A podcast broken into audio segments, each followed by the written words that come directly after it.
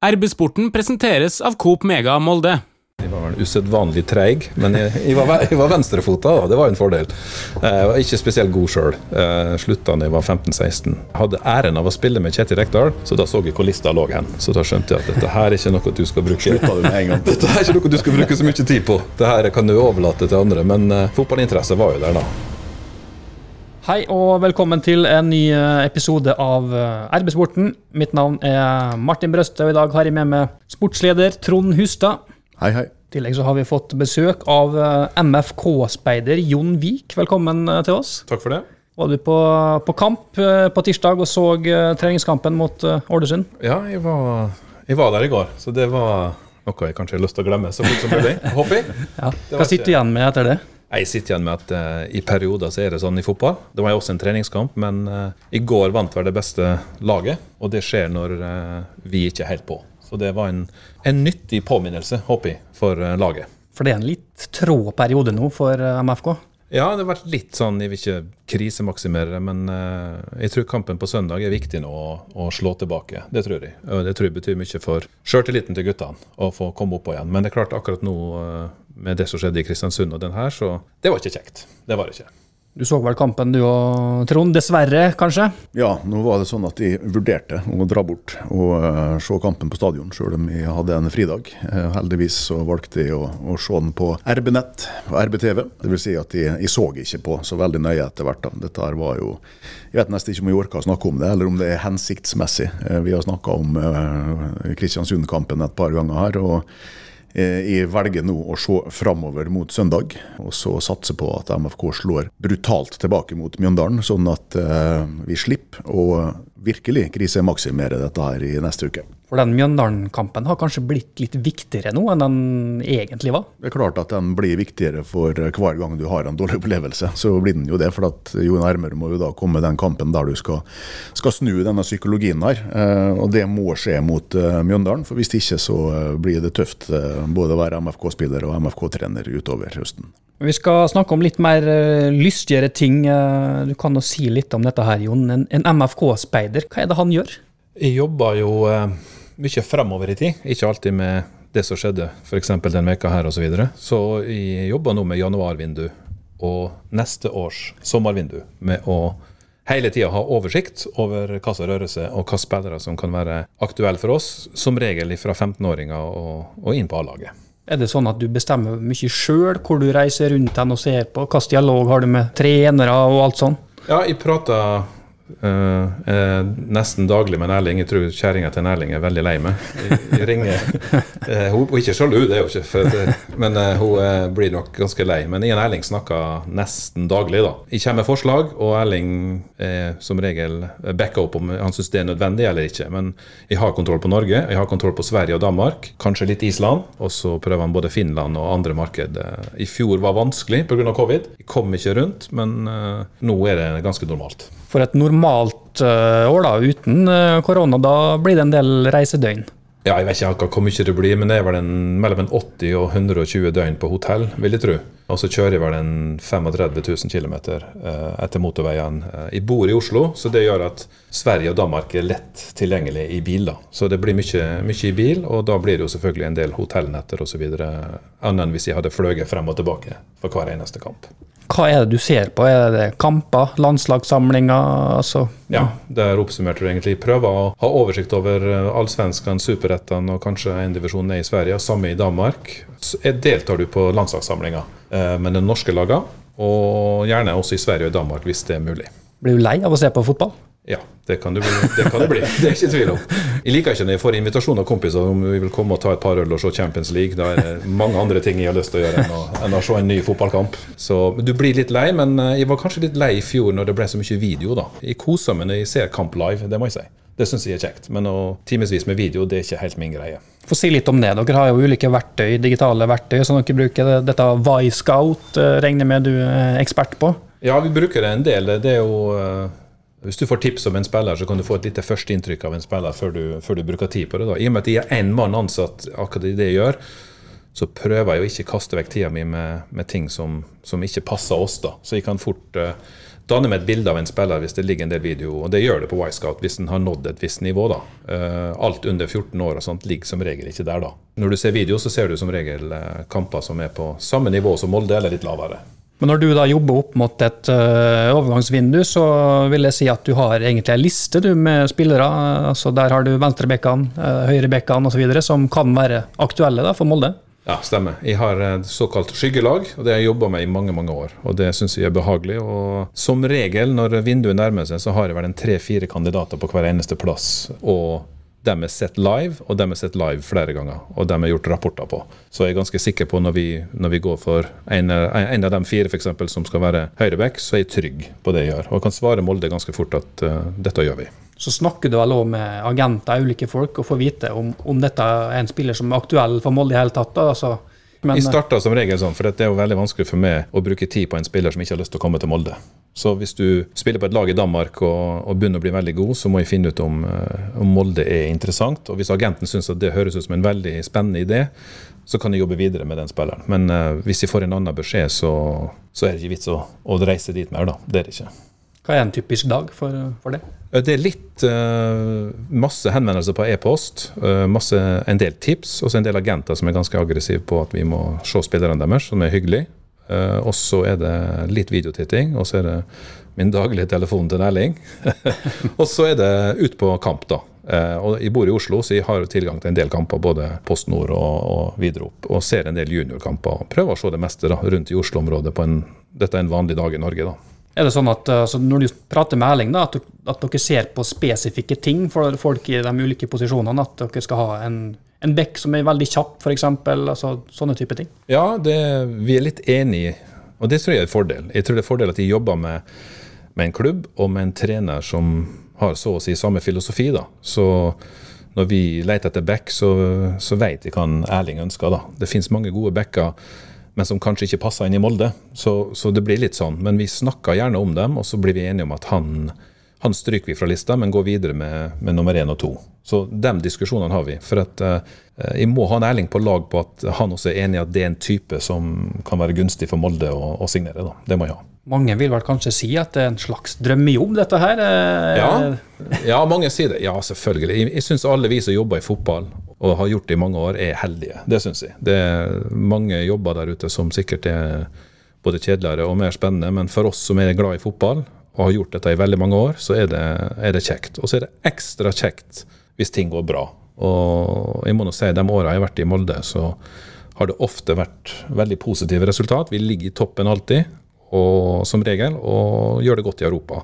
Og det er ekstra kjekt. Det er ikke tvil om. Og så kan du jo si litt om de spillerne da, som har kommet til Molde, som du på en måte har, har speida og vært med på å hente. For her er det en del uh, store navn som har uh, blitt solgt til store klubber. Ja, vi føler jo at spillelogistikk i Molde fungerer bra. Sånn som det er i dag, så er det jo Ian Erling og, og Stavrum som er involvert. Og tidligere, så når Ole Gunnar kom, så var det jo Ion Ole Gunnar og ja, Snorre Strand og, og, flere som var involvert. Eh, Tarjei Nordstrand Jacobsen og flere. Men eh, vi har signert flere navn. Jeg vet ikke om det er noen du spesielle vil snakke med. Men jeg, vil ha den største. jeg traff Jon Linnes i forgårs på trening, og han har ikke sett på fem og et halvt år. Og han er en av mine første, da som jeg er veldig fornøyd med. Vi fikk tak i han på en bossman, så jeg fulgte han en del i, i Kongsvinger. og Det er jo fryktelig kjekt for meg å se at han kom til Molde og ble god i Molde og vant serien i Molde og ble solgt og har fått en stor karriere etterpå og nå er tilbake. Så den ringen er på en måte slutta. Veldig kjekt at den er tilbake, i hvert fall. Trond, du har litt navn. Ja, den med lista er nå eh, eh, veldig lang, hvis du skal innom, eh, innom alt. Men det som er, er, ekstra aktuelt akkurat nå, selvfølgelig, det er jo eh, landslagstroppen til Ståle Solbakken. da, han som eh, bygger opp eh, sin nye stamme der. og i det uttaket som, som, var gjort nå, de som har spilt disse siste kampene der, så, så har du både Markus Holmgren Pedersen, Mathias Nordmann, Mohammed Elinossi, Erling Haaland, Mats Møller Dæhlie. Fredrik Aursnes, Ørjan Nyland, Ruben Gabrielsen og Stian Gregersen. Og nesten samtlige av disse her spillerne her er vel det folk som eh, du, Jon, har vært med og eh, sett eller oppdaga eller vurdert og bidratt til å, å hente til Molde. Som har gått videre til større klubber etterpå. Ja, Det er mange navn der som har vært innom Molde. Noen har jeg vært involvert i, og andre ikke fullt så mye. Men eh, jeg er veldig stolt, spesielt når jeg ser Holmgren Pedersen, som var vel mer eller mindre på benken i Tromsø. Og den fikk jeg pusha gjennom, og den var jeg fornøyd med å få pusha gjennom. Litt tilfeldig, men jeg fikk vite at det var mulig å ta han ut av Tromsø. Det var ikke så mange andre som kjente så godt til han, men jeg fikk pusha gjennom den. At det gikk gått så fort for han, det er overraskende, selvfølgelig, men desto mer kjekt da, å se. Og så er det som du sier, eh, ja, Nyland og, og, alle disse andre navnene du nevner, er jo folk som har vært i Molde, og som vi har speida på. Og så er du ikke mer beskjeden enn at du uh, skal få lov til å snakke litt om uh, Erling Braut Haaland. Fordi at uh, Selv om det er mange som har vært involvert i den historien der på veien nå, så uh, som Romsdals Bustikke har skrevet flere ganger, det var du som fant Erling Haaland først. Ja, det var, ja, på en måte så er det vel det. Ja, jeg liker ikke ja, Jeg tror mange har sett den, men det er klart at jeg, jeg var oppmerksom på en Erling fra han var 13 år. Uh, og jeg, had, jeg, kjenner faren godt. Jeg kjenner Alf Inge veldig godt. Så jeg hadde kontakt med han. Og så hadde jeg sett den litt, og så var det veldig kjekt å kunne se den i, for Norge U15 mot, i Brumunddal mot Sverige. Og da var det i, på en måte etter den kampen så sa jeg fra til Alf Inge at jeg kommer til å følge den veldig tett, og vi prøver å signere den så fort som mulig. Og det, i dag er vi jo glad for det. Men når du så Haaland i begynnelsen der, så jobba du ikke for Molde? Nei, jeg var faktisk i Vålerenga i 2015, da jeg så den første gang. Og så fikk jeg vite at jeg skulle være i Molde fra 2016 eh, midt på sommeren der etter en diskusjon og et tilbud fra Molde. da. Så, men det var ikke aktuelt å signere han så tidlig. Men jeg husker at jeg, jeg så at uh, Vålerenga hadde signert en Bryne-spiller og var redd det var Haaland, men uh, det var det ikke. Uh, det var vel vår venn Grøde, hvis jeg ikke tar feil, som ble signert først til Vålerenga. Så vi gikk inn ganske fort. Jeg vet København og flere var på en Haaland, men uh, jeg er veldig glad at vi, vi gjorde det vi gjorde. Vi går ut fra at du har fastlønn med MFK nå, men hvis du hadde hatt ei bonusrelatert ordning, så hadde du gjort det ganske mange, greit på Haaland? Og... Mange som spør om dette, så jeg er veldig enig. Det er veldig dumt at jeg ikke har ei bonuslønn, for Haaland eh, ser jo bra ut. men vi kunne ikke vite at Haalands historie skulle bli så utrolig, og heller ikke så tidlig, da, med tanke på at han er bare 21 år gammel. Men, eh, men, jeg var inne en dag og leste på mine første rapporter på Haaland, så eh, det var en del ting jeg var oppmerksom på, men eh, spesielt venstrefoten. Og, spesielt at han var så utrolig uredd. da. Veldig, veldig lite typisk norsk, lite beskjeden, og, og, skilte seg ut. da. Og Det er nok det første jeg la merke til med han. Og så, og så hadde han en viss fart, men uten å være superrask på den tida. Og hvis vi får legge til det, så vidt jeg husker, uh, ut fra det vi skrev om dette her tidligere, så hører det med til historien at eh, f.eks. Daniel Berg Hestad og Erik Kirkvold òg var inne og laga rapporter på dette her i etterkant, før Solskjær bestemte seg. Sånn at uh, du har vært flink til å dele den æren litt uh, ja, tidligere. Ja, jeg, jeg, har alltid sagt at Daniel sendte meg en e-post etter at gutten hadde vært på prøvespill. Og det er ofte sånn med A-lagstrenere. De har sitt å tenke på. De tenker på neste kamp osv. Og, og og Daniel eh, lurte på hvorfor ikke vi hadde signert den etter det prøvespillet. Så sa jeg at eh, min jobb er å finne dem og, så, og, og, si fra, og det gjorde jeg. Og så, så sa han Daniel at vi må, vi må ta tak, for vi må, vi må, vi må pushe på Nordle. Så vi gjorde det. Så vi bare forlangte å få han signert så fort som mulig, og det var en Ole Gunnar veldig enig i. og Snorre Strand satte i gang jobben, og, og, gutten ble heldigvis signert. Men ja, det var Kirkevold og Daniel og jeg var veldig enige om, om den signeringa, da. Det var vi og glad for det. Her var det vel litt sånn utenlandsk interesse òg, for Haaland, som kanskje gjorde at det også ble litt framskynda? Ja, og så var det København var litt i bildet, det var vel Hoffenheim og, og flere. Så, så det, det hasta litt, og glad for at vi eh, fikk satt, satt, i gang så fort som mulig når, eh, når det begynte å tette seg til. Hei sann! Her er jo Hilde fra Coop Mega Molde. Kom innom og la deg friste av den lengste ferskvaredisken i Romsdal. Velkommen til Coop Mega Molde.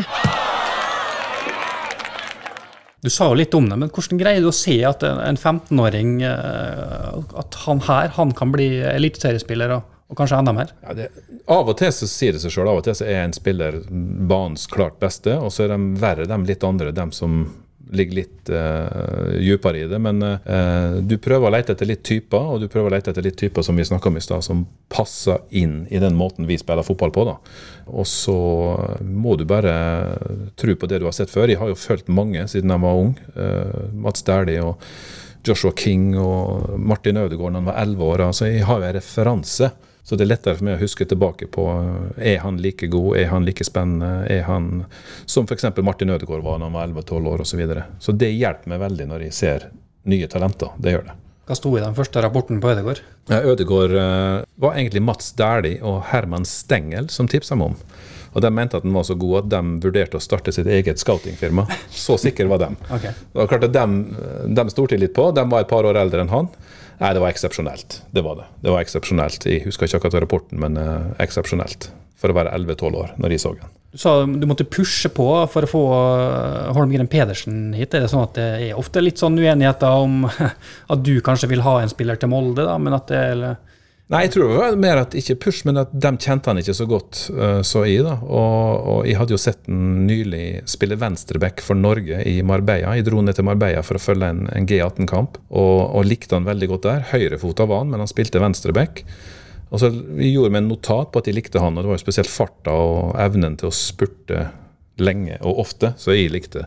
Og når jeg da to-tre måneder etterpå får vite at det er mulig å få han, så måtte jeg prøve å overbevise gutta. Så jeg satt i, i sportslig utvalg i Molde og la fram video og presenterte den. Og, og håpte at de hørte på meg, og det gjorde de. Som de veldig ofte gjør, men det gjorde de. Vi må ta litt om, om bakgrunnen din nå. Du har både spilt og, og trent litt fotball òg. Ja, jeg var ikke noe spesielt. Jeg var vel usedvanlig treig, men jeg, jeg, var, jeg var venstrefota, da. Det var en fordel. Eh, jeg var ikke spesielt god sjøl. Eh, slutta da jeg var 15-16.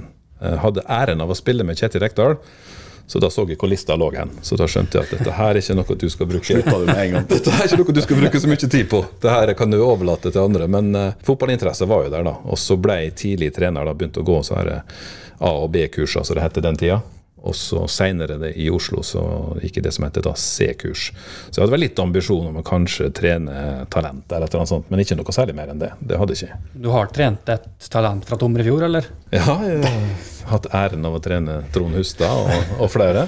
Så jeg var i Tomrefjorden i noen år mens jeg, jeg tok trenerkurs. Og så Ja, det var kjekt å lære av uh, Trond, og hans far Arild var jo en, en, mentor. Så lærte litt om å behandle folk, lærte litt om trening, og så, så flytta jeg til Oslo. Og, og seinere så tok jeg opp igjen fotballen og, og trenerbiten. Hvordan ble du speider? Ja, det er litt tilfeldig. Jeg trente Trond, men jeg trente også Jim Solbakken en gang i tida. og Jeg kjente ikke så mye til han, men han kontakta meg i Oslo. og hadde starta firma med Ole Gunnar og, og, ville ha meg inn i firmaet. og så Om vi kunne etter hvert begynne å speide. Så det starta litt sånn, da. Litt tilfeldig, egentlig. Si litt om dem. Du har ikke bare vært i Molde at du har vært ansatt, du har vært uh, også jobba for andre klubber, både i Norge og utlandet? Ja, jeg jobba lenge med en Jimmy Solution i noen år, og hadde da et veldig godt forhold til Manchester United. For jeg var jo med å ta Joshua King over og Mats Dæhlie og et par til. Så jeg jobba tett med Man United og gjorde litt jobb for dem. Og så når Ole ble trener i Molde, så begynte jeg der. Og så har jeg fulgt Ole en stund, og når han dro til Cardiff, så ble jeg med dit.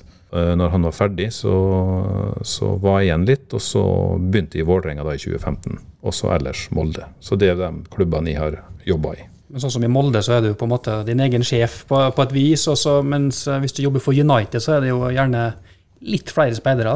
Ja, det var et stort apparat, og det var jo flere som jeg, jeg jobba tett med der. Veldig artig å, å, komme inn på en sånn klubb, da. Det er jo. Og det, nå er det ingen som kjenner meg United, men den tida der så var det åpne dører på, på Carrington for, for meg. Og, og, dette forandrer seg fort, da. Det gjør det. Men eh, jeg kjenner jo selvfølgelig sjefen i dag, Ole Gunnar, men uh, ellers så er gjengen min sikkert vekk, vil jeg tro. Det er sikkert blitt store forandringer der òg.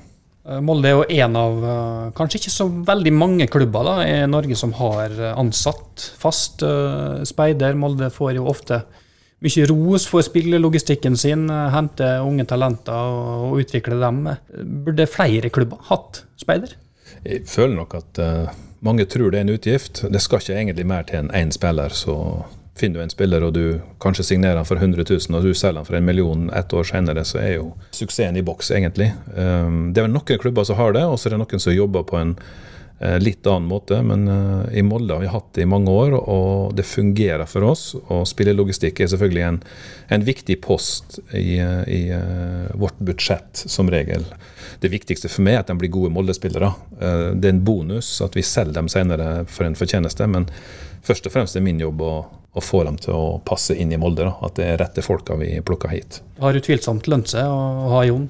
Ja, det har gjort det. Eh, det kunne sikkert vært et interessant regnestykke å, å funne ut hva, hva, MFK har tjent på jobben din eh, disse åra her. Men eh, nå har dere jo nettopp henta en ny spiller da, som skal passe inn i dette systemet, i den filosofien her, og som skal bli solgt videre, i, i Sivert Mannsverk. Og han har jo også gått rett inn i laget de første kampene han spilte her, på en imponerende måte.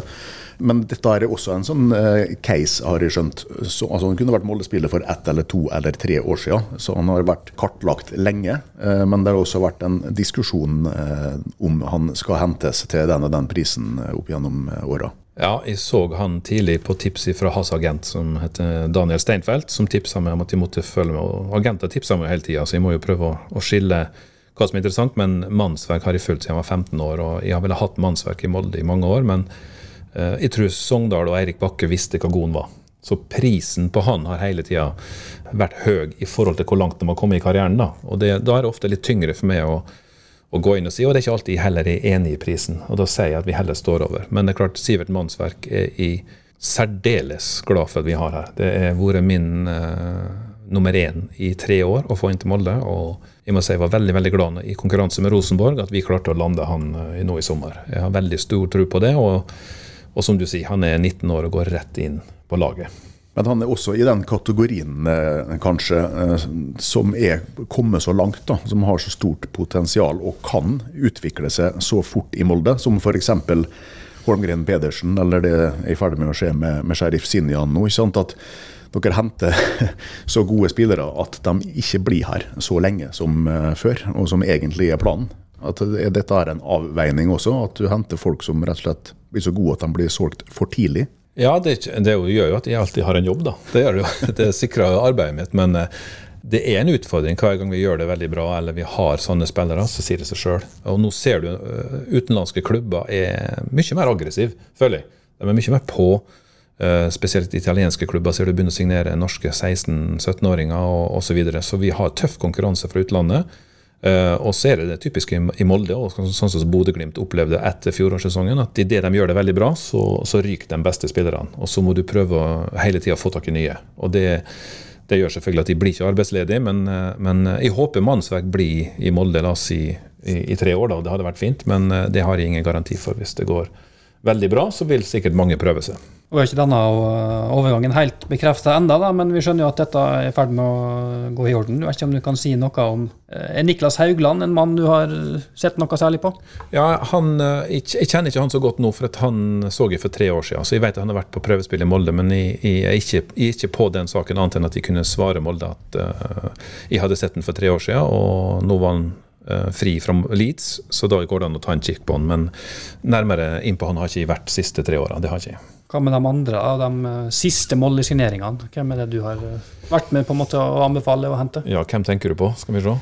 Nei, vi må tenke gjennom da, hvem som har Seknini kommet inn. Seknini og Lidnes uh, mannsverk har vi jo prata om. Ja, Seknini kjenner vi alle, så det er jo en, en, en spiller som har starta veldig lovende. Så har det gått litt trådere for han. Så det er jo en sånn case vi har gjort før. Vi gjorde det med uh, å prøve å få i gang igjen. Uh, vi gjorde det med Leke James med suksess, og vi har prøvd sånne før. Og Seknini har jo selvfølgelig et et potensial som han ikke har fått ut helt ennå. Så han er i Molde nå, det er vi glad for. Og så får vi se om vi eh, får han på rett spor igjen.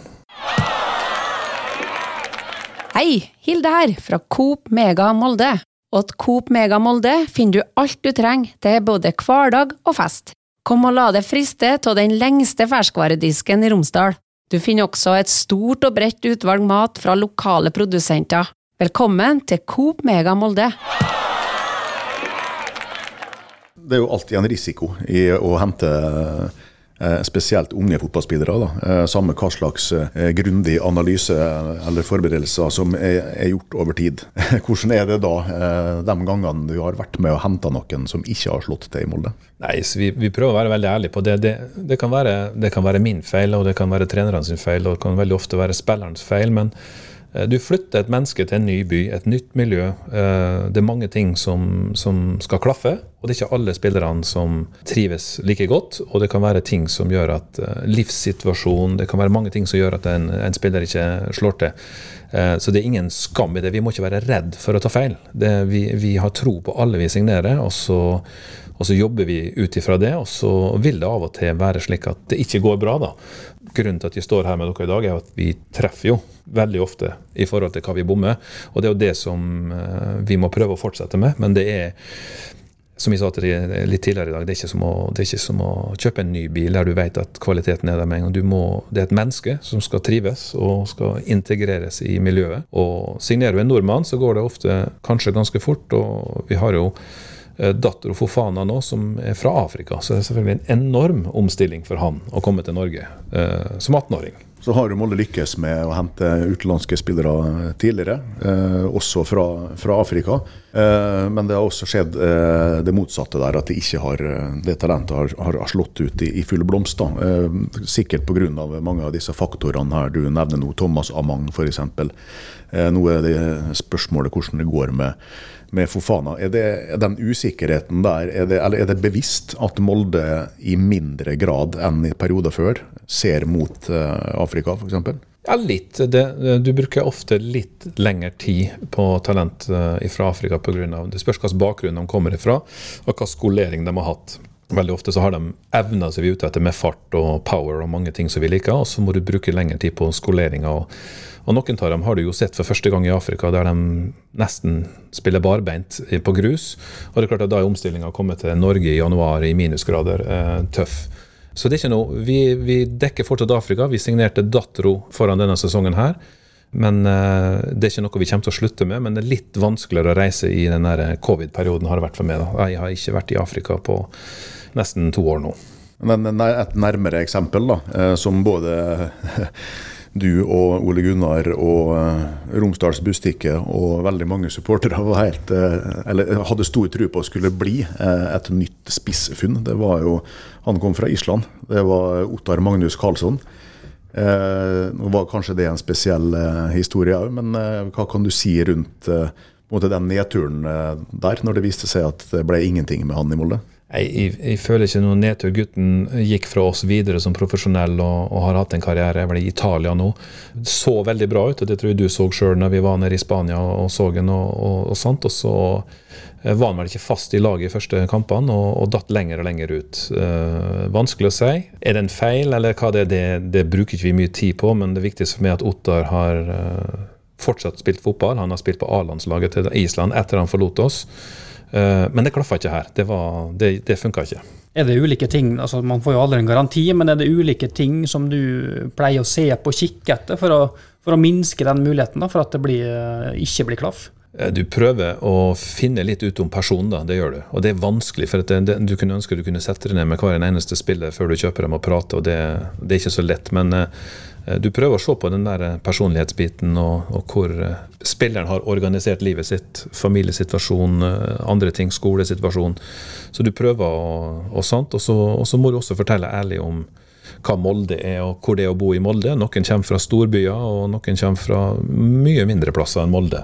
Men du prøver å, å bli kjent med spilleren så godt som mulig. men det er veldig vanskelig å garantere dette. Dere. Jeg kan garantere at hver eneste spiller vi signerer, har ferdighetene på plass, det vi er ute etter. Eh, og det resten, det, det kan vi ikke alltid garantere for, for det, må, det er brikker som må falle på plass. Sånn i snitt, hvor mye tror du du ser av en spiller før han signerer for MFK? Ja, Det spørs litt. Hvis han er ung, så har jeg god tid på å kunne se han hvis ikke det er stor kamp om han. Men uh, jeg prøver å ha en åtte til ti live-observasjoner og, og, en del video og underbygge det igjen med rapporter før vi signerer. Vi signerer ikke fra video, f.eks. Det gjør vi ikke. Så det betyr at hvis det er en spiller som, som er aktuell, og vi får tips om, så må vi ut og se den live. Hvis vi ser at det ser ut som en spiller som kan passe inn hos oss. Så er vi jo nysgjerrige på hvilket navn som står på den lista her, som vi skal begynne å se opp for når vi kommer til januar. Ja, vi har, eh, vi har uh, lista klar, og vi, og vi, skal jobbe med den lista helt fram til jul. Men uh, vi får se. Det er en del kontraktsituasjoner så vi må se hvor det går i Molde. Og det kan også bli, som Trond nevnte i stad, det er jo interesse på en del av spillerne våre på kjøp. Så vi må prøve å være frampå der da, og ha kontroll på hva som, hva som, kan gå. da. Og ha tida fram til jul nå. og egentlig kanskje litt lenger, for vi har et vindu som er åpent til nesten 1. april. Så vi har mulighet til å svinge oss rundt på våren. Jeg skjønner at ikke du kan eh, avsløre den eh, hemmelige lista til MFK i uh, vår podkast, men etter at Gregersen gikk, f.eks.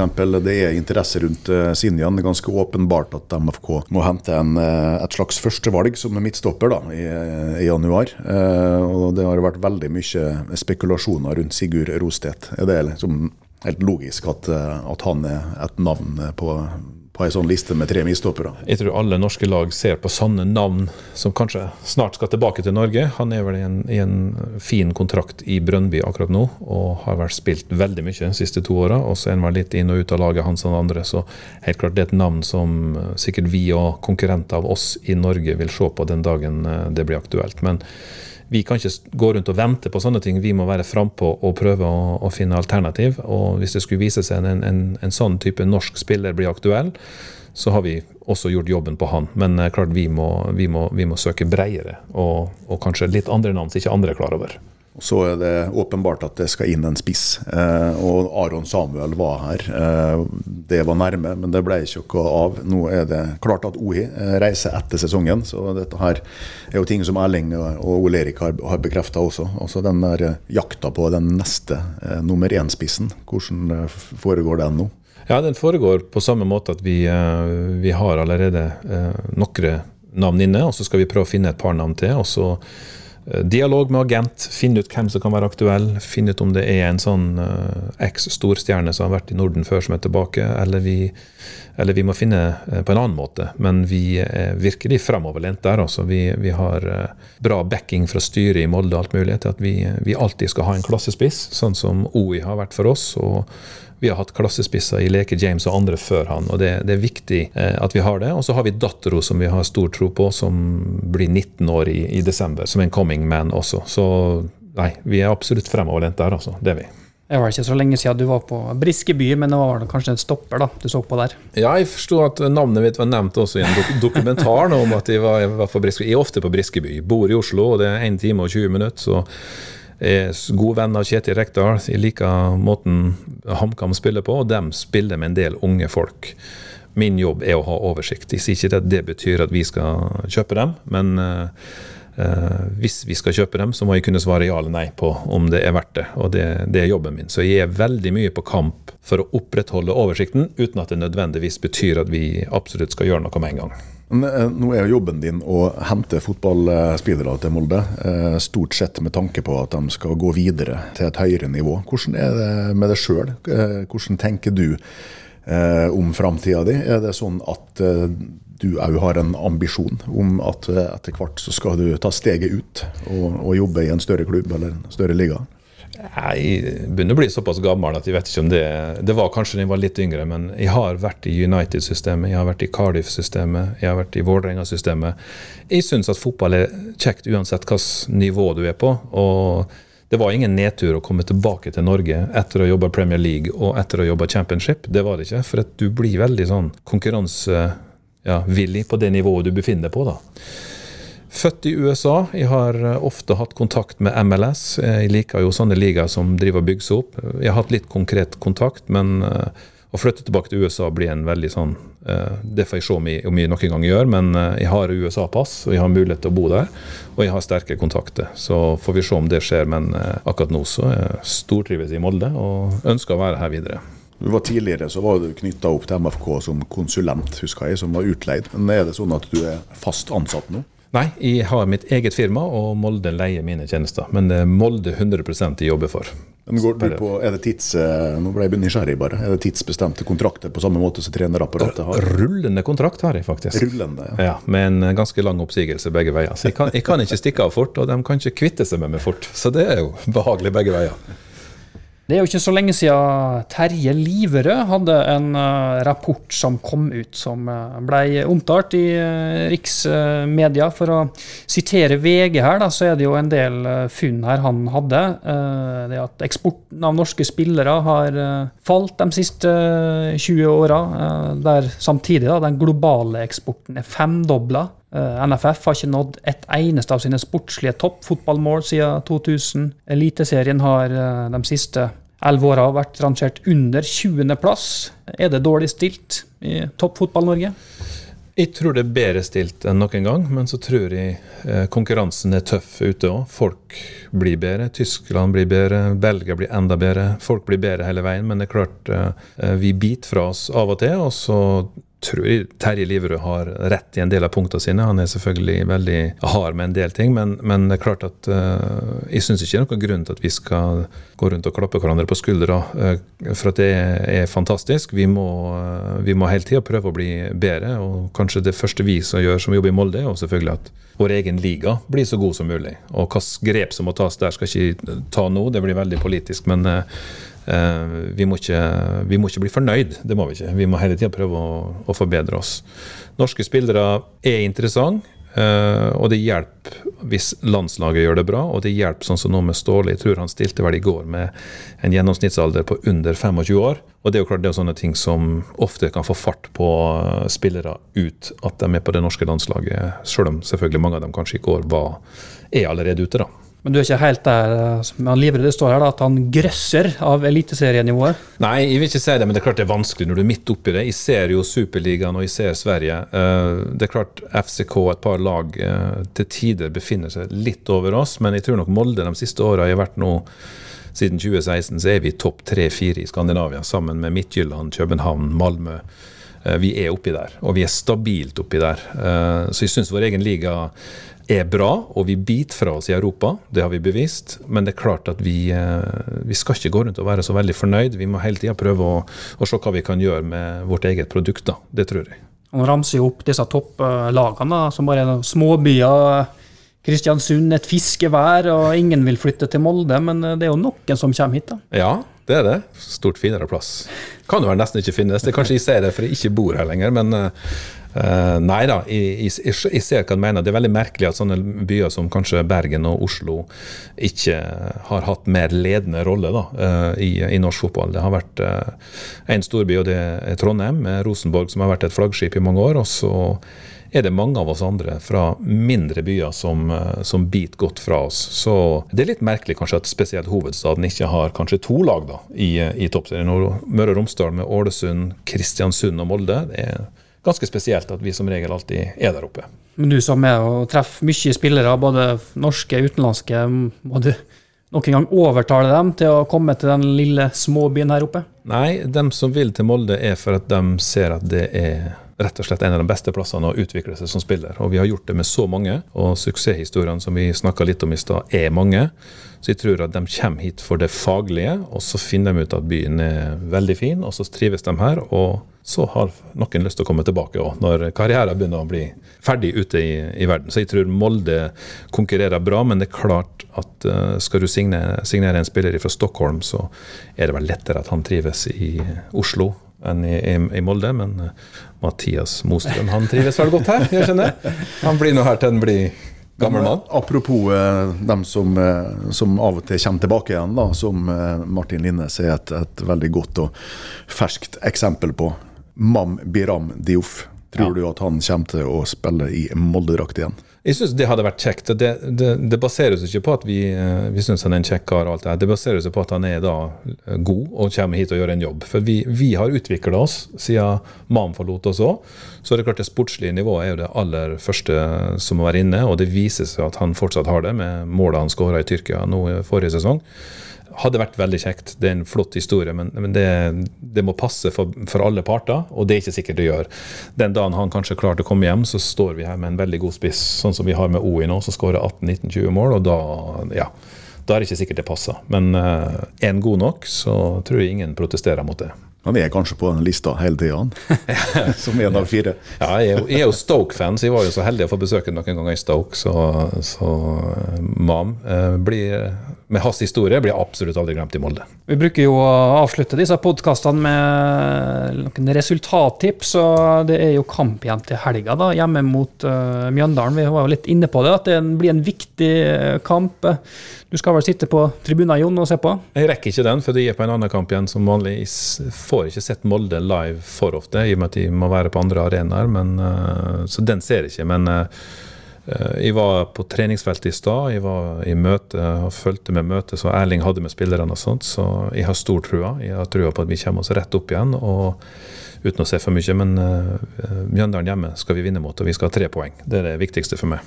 Og da blir resultatet Ja, La oss si at vi, vi holder nullen, det håper jeg, og så setter vi inn tre mål. 3-0. Trond, du har jo ofte fasiten.